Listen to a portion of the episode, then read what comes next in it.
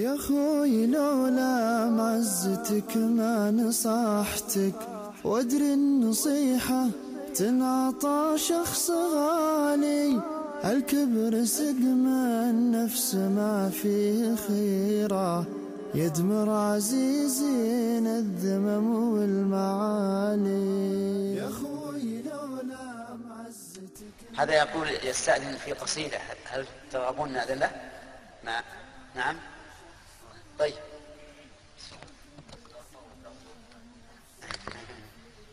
بسم الله الرحمن الرحيم. الحمد لله والصلاة والسلام على رسول الله. أما بعد يا فضيلة الشيخ أستاذنكم في القصيدة نعم.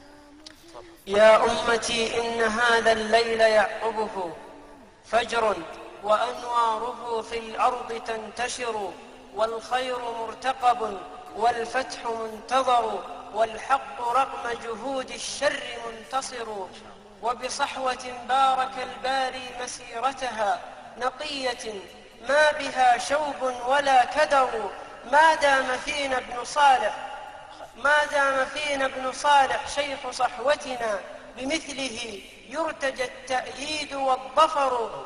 أنا لا أوافق على هذا البيت نحن نوافق لا لا أوافق. لأني لا أريد أن يربط الحق بالأشخاص. كل شخص سيفنى فإذا ربطنا الحق بالأشخاص معناها أن أن أن الإنسان إذا مات قد ييأس الناس من هذا. فأقول إذا كان يمكنك الآن تبدل البيت ما دام فينا كتاب الله وسنة رسوله هذا طيب. ما دام فينا كتاب الله سنة رسوله. نعم. ابن العثيمين. لا يا شيخ. لا لا لا تجي. هذا الله لا لا أنت ما تحب. وقف وقف. فقيهنا لا لا لا والله ما ما لا لا ما ما إن كان ما عندك إلا هذا عطنا. لا عطنا سؤال عطنا سؤال. نعم. ابدا ما له داعي يا رجال. بس أنا أنا أنصحكم الآن من الآن وبعد الآن أن لا تجعلوا الحق, مربوطا بالرجال. الرجال اولا يضلون. حتى ابن مسعود يقول من كان مستنا فليستن بمن مات فإن الحي لا تؤمن عليه الفتنة. الرجال إذا إذا جعلتم الحق مربوطا بهم. يمكن الإنسان يغتر بنفسه نعوذ بالله من ذلك ويسلك طرقا غير صحيحة.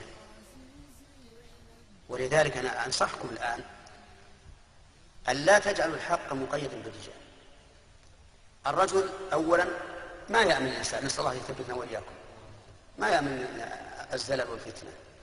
وثانيا أنه سيموت ما هنا أحد يبقى. ابا وما جعلنا لبشر من قبلك من قبلك الخلد. افان مت فهم الخالدون. وثالثا إن بني آدم بشر. ربما يغتر إذا رأى الناس يعني يبجلونه ويكرمونه ويلتفون حوله ربما يغتر ويرى ويظن أنه معصوم ويدعي نفسه العصمة وأن كل شيء يفعله فهو حق وكل طريق يسلكه فهو مشروع. فيحصل بذلك الهلاك. ولهذا امتدح رجل رجلا عند النبي عليه الصلاة والسلام فقال له ويحك؟ قطعت عنق صاحبك أو قال ظهر صاحبك وأنا أشكر الأخ مقدما وإن لم أسمع ما يقوله في على ما يبديه من الشعور نحوي. وأسأل الله أن يجعلني عند حسن ظنه أو أكثر ولكن ما أحب. و وأنا اجازيك مجازات إن شاء الله تعالى. أسأل الله أن يجزيك عني خيرا وأن يثيبك. والمعالي يا خوي لولا معزتك ما نصحتك وادري النصيحة تنعطى شخص غالي.